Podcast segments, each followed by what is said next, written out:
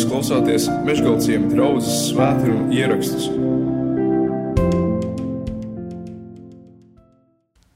Tad, kad mēs lasām Marka evanģēliju, tad jau ļoti agri uh, šī evanģēlijas stāstījumā mēs varam ievērot uh,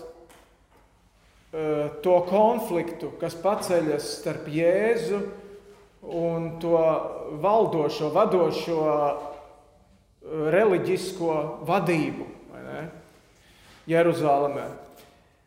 Jau otrajā nodaļā mēs pamanām, ka Jēzus tiek apsūdzēts zaimošanā.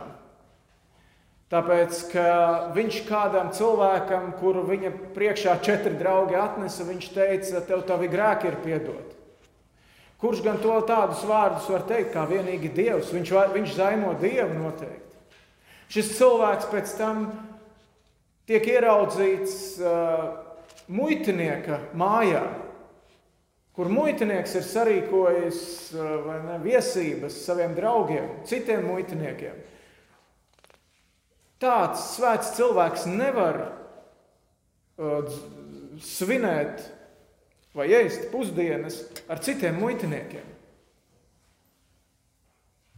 Kāpēc šis cilvēks, kāpēc šis Jēzus negavē?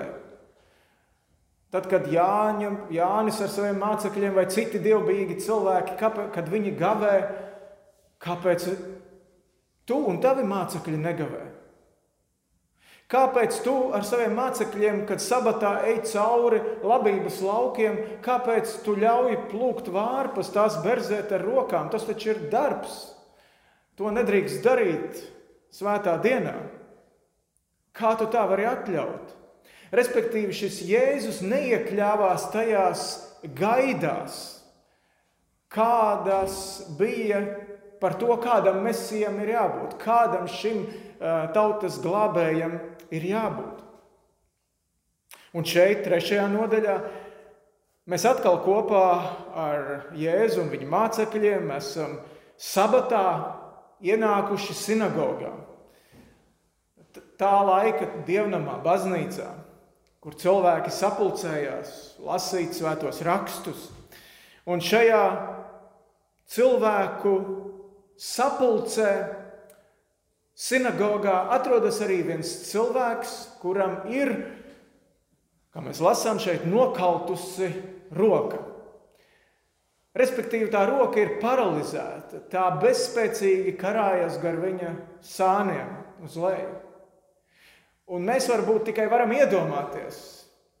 Nu, ainai, piemēram, bija lausta kāja tagad. Nu, kāja nav roka, bet, bet principā, ka tev viens ķermeņa loceklis vairs nefunkcionē tā, kā vajadzētu. Mēs tikai varam varbūt iedomāties, cik ļoti mainās tava dzīve. Ka tas, ko tu varēji ar abām rokām darīt, to tu pēkšņi vairs nevari. Ja? Man kādreiz ir bijis, jums arī var būt, ja, ka naktī uh, roka tiek nogulēta, viņa notirpst. Piemēram, man reiz bija tā, ka es naktī pamodos un skatos, man uz spilvena blakus ir roka. Es domāju, kas man tur no pagultē kāds cilvēks, kas uzlicis roku augšā, es paņemu to roku un velku, ai nē, tā ir manējā. Ja? tu, tu pēkšņi ieraugi, bet tu viņu nejūti. Un tad pārņem tādas bailes. Tā bija pirmā reize, man, ka kaut kas tāds bija, un es viņu masēju, un knaibīju, un, un braucīju, kamēr sāku just to roku atkal. Ja? Bet ar tādu tev ir jādzīvo visu laiku. Tā ir nokautusi roka.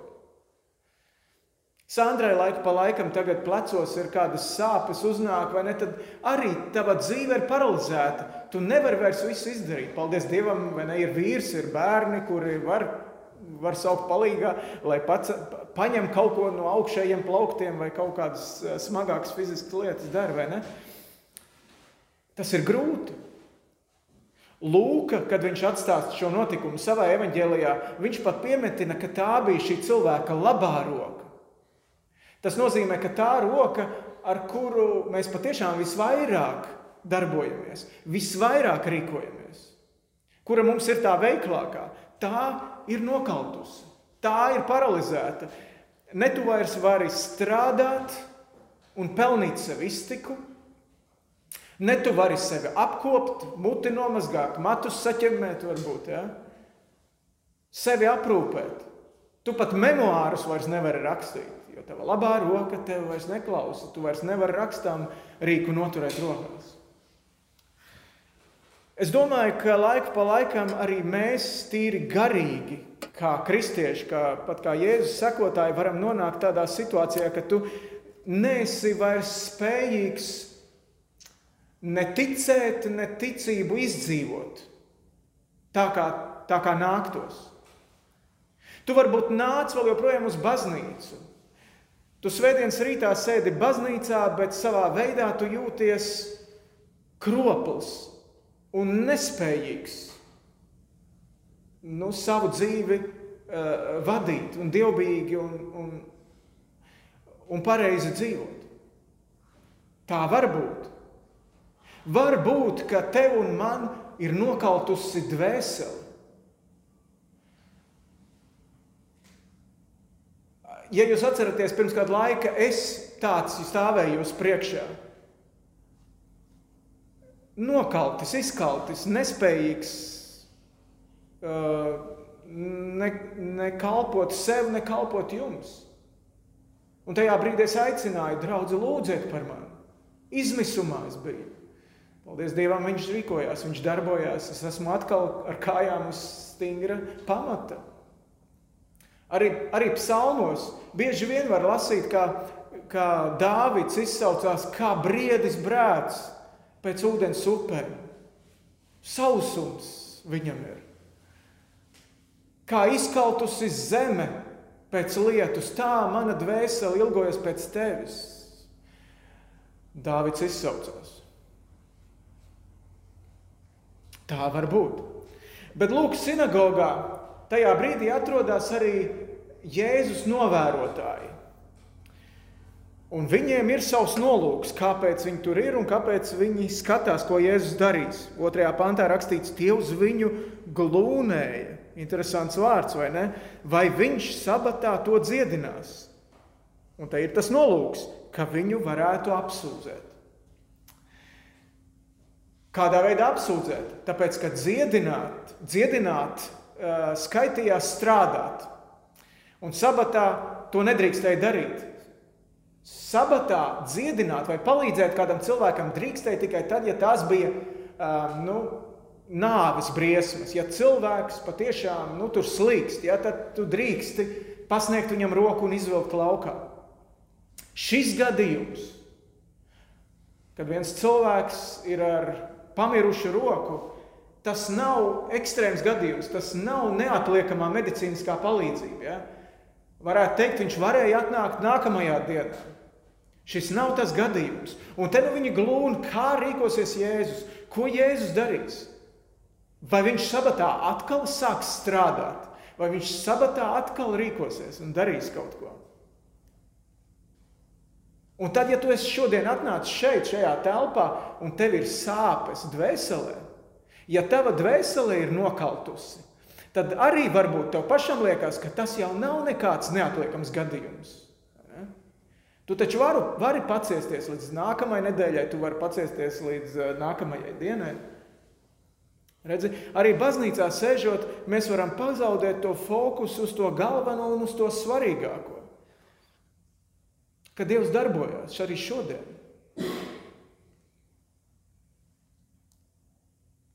Bībele mūs mudina vērot. Tāpat kā šie cilvēki vēroja Jēzu sabatā, dievnamā. Bībele mudina mūs vērot citam citu ebreju vēstulē. Eh, desmitajā nodaļā ir tādi vārdi: vērosim cits citu, lai paskubinātu uz mīlestību un labiem darbiem. Ja? Vērosim citu citu, bet tā motivācija ir cita, lai paskubinātu uz mīlestību un labiem darbiem, lai kalpotu viens otram. Tāpēc mums ir jāvēro, brāl, māsa, vai tev iet labi, vai tavai dvēselē ir tas valgums, kas tai sēkliņai, kas krīt tavā augst, uh, sirds augsnē, nu, ka viņi var saknītas izlaist stiebriņu dzīt uz augšu. Vai ar tevi viss kārtībā, vai nav sausums tavā dzīvē, vai tava dvēsele nesāp. Ja? Šie cilvēki vēroja cita, ar citām acīm, ar citu motivāciju. Un tad Jēzus viņiem uzdod tādu pretjautājumu. 4. pantā, vai ir brīvs sabatā labu darīt vai ļaunu darīt, dvēseli glābt vai maitāt? Nu, tāds dīvains jautājums tas varētu būt, ņemot vērā tos atbildžu variantus, ja, kas šajā jautājumā būtībā ir iekļauti iekšā. Ko sabatā drīkst darīt? Labu vai ļaunu? Drīkst dvēseli eh, kā, glābt, dziedināt, celt vai nomaitāt. Ja? Tās atbildes jau kaut kur tajos jautājumos ir ies, ieslēgtas. Nu, skaidrs, ka ļaunu nedrīkst darīt. Nevienā dienā nedrīkst darīt ļaunu, vai ne? Bet kā ir ar labu? Bet kā ir ar labu darīšanu? Vai tam ir vajadzīga kāda speciāla diena? Mateja evanģēlijā, kad Matejs atstāsta šo notikumu, tad viņš saka tādus vārdus, Jēzus, kas saka arī vēl tur, kurš cilvēks jūsu starpā, kam viena avs un tā sabatā iekrīt bedrē, to nesatvers un neizvilks ārā? Ja tava aita iekrīt bedrē vai akā sabata dienā, tu taču izstiepsi roku un izvilksi viņu ārā. Ne? Un Jēzus turpina, viņš saka, vai cilvēks nav daudz labāks par avi? Cilvēks ir vērtīgāks. Kalpošana cilvēkiem nedrīkst ierobežot kaut kādās īpašās dienās un īpašos laikos. Ļaunu nedrīkst darīt nekad, ja? bet labo ir jādara vienmēr. Labums un svētība ir sabata mērķis. Labums un svētība ir svētās dienas mērķis. Un, ja tu šajā svētajā dienā nedari labu savai dvēselē vai kāda cita dvēselē, lai to celtu, tad var gadīties, ka notiek kaut kas pilnīgi pretējs. Uh, bija tāds vīrs, Jānis Aleksandrs Frejs, Baptistu, Latvijas Baptistu vēsturē. Iespējams, pats lielākais, uh, ietekmīgākais cilvēks Baptistu vēsturē. Uh, Savienības prezidents, arī tas, ko mēs šodien sauktu par biskupu, ilgus gadus, arī uzņēmējs vienlaicīgi. Īstenībā, pateicoties viņa apgriezieniem, arī Rīgā Baptistu Savienības nams tika uzcelts 30. gados. Kaut arī viņš tajā brīdī jau bija slims un vairāk tur tā tiešā veidā nepiedalījās. Bet Vairāk kā simt gadus atpakaļ, vēl pirms Pirmā pasaules kara, viņš rakstīja tādus vārdus. Tajā brīdī Baptistu, Baptisti Latvijā svinēja 50 gadus apmēram. Un viņš rakstīja tādus vārdus kādā gadījumā, vienā no saviem izdevumiem, saviem kristīgiem žurnāliem. Mums jāpūlas vairāk izkopt draugu pozitīvos tikumus Vismaz tādā mērā, kādā esam izkopuši negatīvos. To nedrīkst, šo nedrīkst un to nedrīkst, kas, pagājušo 50. Gad, kas pagājušos 50 gados varbūt arī visvairāk uzsvērts. Ja tagad vairāk uzsvērsim to, ko drīkstam darīt, ko vajag darīt un kas jādara, tad mums varbūt būs tikpat lieli panākumi arī uz šo pusi.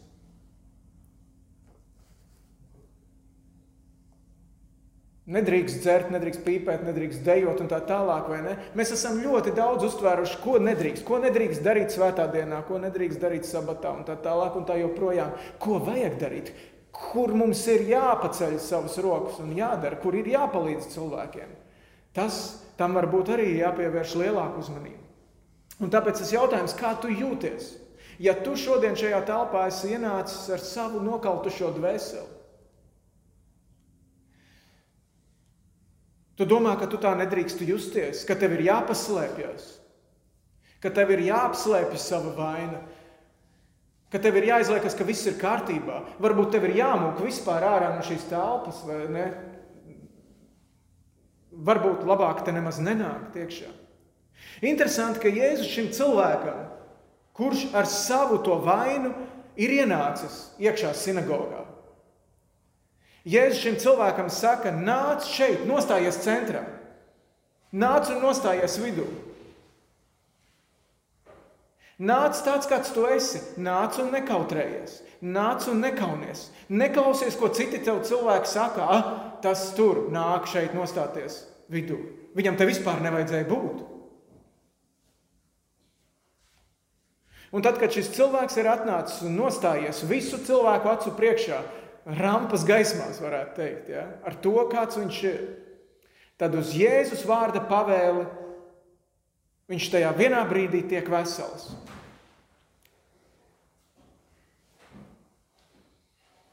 Un Jēzus pat īstenībā viņam nepieskarās. Tiem cilvēkiem, kas viņu vēro, formāli Jēzus pat nedara nevienu darbu sabatā. Ja? Viņam nevar piesieties, Viņš nestrādā, viņš nepieskaras cilvēkam, viņš nebrauka slimo vietu, nemasē un tā tālāk. Ja? Šis Jēzus, kungs, kurš saka, ka viņš ir kungs arī par sabatu, viņš atcēla šī cilvēka uh, ierobežojumus, kas kavēja viņam uh, svinēt šo svēto dienu, kas, kas kavēja viņam varbūt jā, slavēt Dievu. Viņš atceļ ar vienu vienīgu vārdu un pavēlu.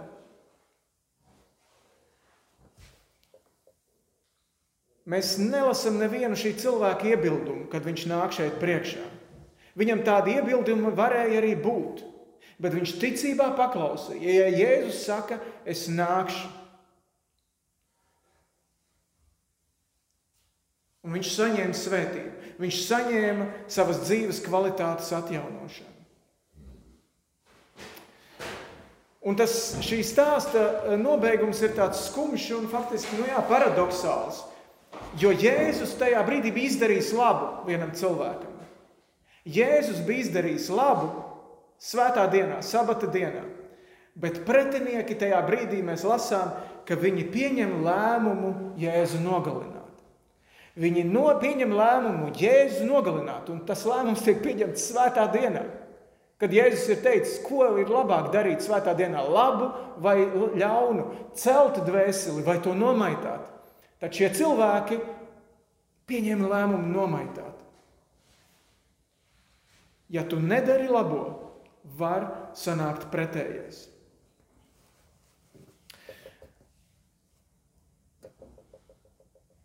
Un tikai Marks, tikai Marks šī notikuma atstāstā mums izpauž kādas īpatnējas Jēzus emocijas. Ja jūs pamanījāt šajā tekstā, Tas ir tāds mikslis, tāds uh, sakopojums, kurā ir vienā teikumā apvienotas dusmas un skumjas. Piektajā pantā viņš tos uzlūkoja visapkārt ar dusmību, viņu sirds cietības dēļ noskumis. Dusmas un skumjas vienlaikus. Es mēģināju iedomāties šīs sajūtas, un man liekas, es nezinu, kā jums, kas esat vecāki īpaši. Man liekas, ka tādas mēs izjūtam bieži vien par saviem bērniem. Šādu sajūtu miksli mēs izjūtam bieži vien par saviem bērniem, kur dusmas un skumjas gandrīz nāk vienlaicīgi par tām viņu izvēlēm, ko viņi savā dzīvēm izdara. It īpaši tāpēc, ka tad, kad tu ieraugi, ka viņš rīkojās kaut kā muļķīgi, nepareizi, viņš runā, viņš dzīvo nepareizi, tad tu ieraugi kaut ko arī no sevis. Tu ieraugi ta, to viņā, savā bērnā, ar ko tu pats varbūt eh, cīnies. Ja? Un tas vēl vairāk pasp, pastiprina to. Dusmas un skumjas kopā. Tādas mēs izjūtam par saviem bērniem, par tiem, par kuriem mēs visvairāk mīlam. Un līdz ar to es gribu teikt, ka man šķiet, ka Jēzus ar to parāda, ka šajā sinagogas telpā, kurā, viņš, kurā šis notikums notiek, ka viņš nemīl tikai to paralizēto, kuram viņš deva rokas kustību un dzīves kvalitāti. Jēzus mīlēja arī tos, kas, kas, viņu, kas meklēja piesieties un piekasīties viņam.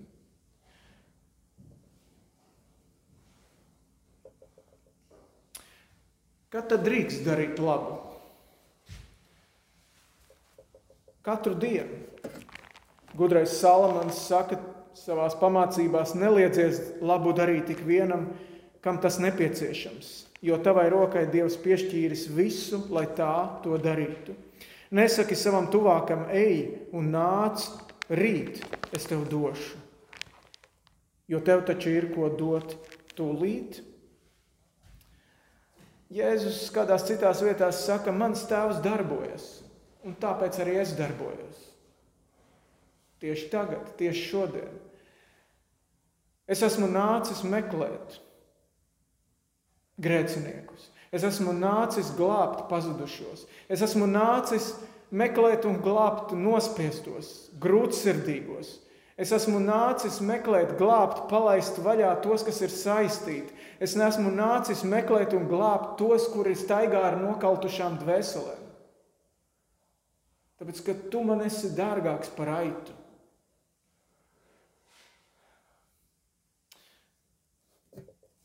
Neaizēj šodien projām, ja tu jūti, ka Dieva vārds uz tevi runā.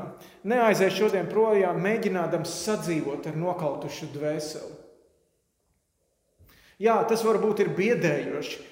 Atzīt to, ka tev ir vajadzīga palīdzība, ka tev ir vajadzīga draudzes aizlūgšana. Savā veidā atnākt un nostāties šeit, vai ne? Vidū, atklāt savu vajadzību.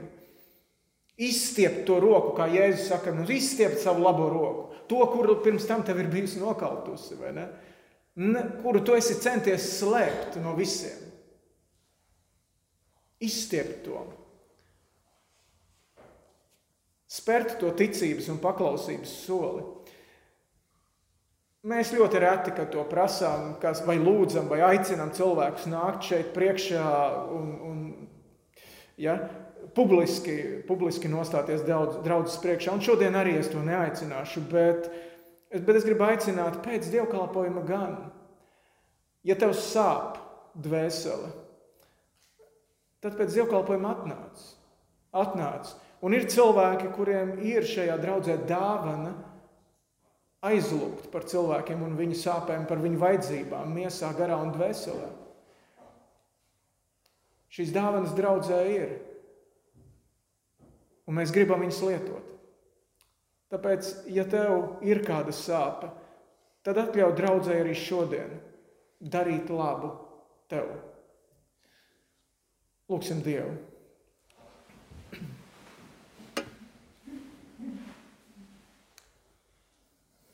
Jēzu, mēs tev pateicamies par Dievu vārdu, kas cauri gadu simteņiem un tūkstošiem ir nonācis arī līdz mežgalciem draudzes svētdienas rīta dievkalpojumam šorīt. Tu viens zini, vai šeit ir kāds cilvēks ar sāpošu, izkaltušu dvēseli, bet ja tā ir, tad palīdzi paklausīt tavai pavēlēji, nāc, nostājies šeit vidū.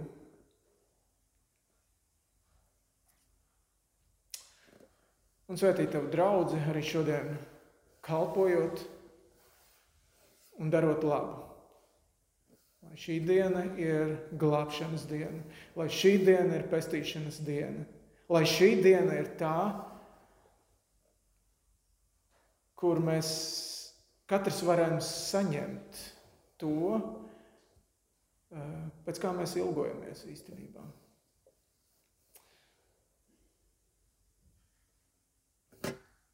Jēzus vārdā. Lūdzam, Āmen!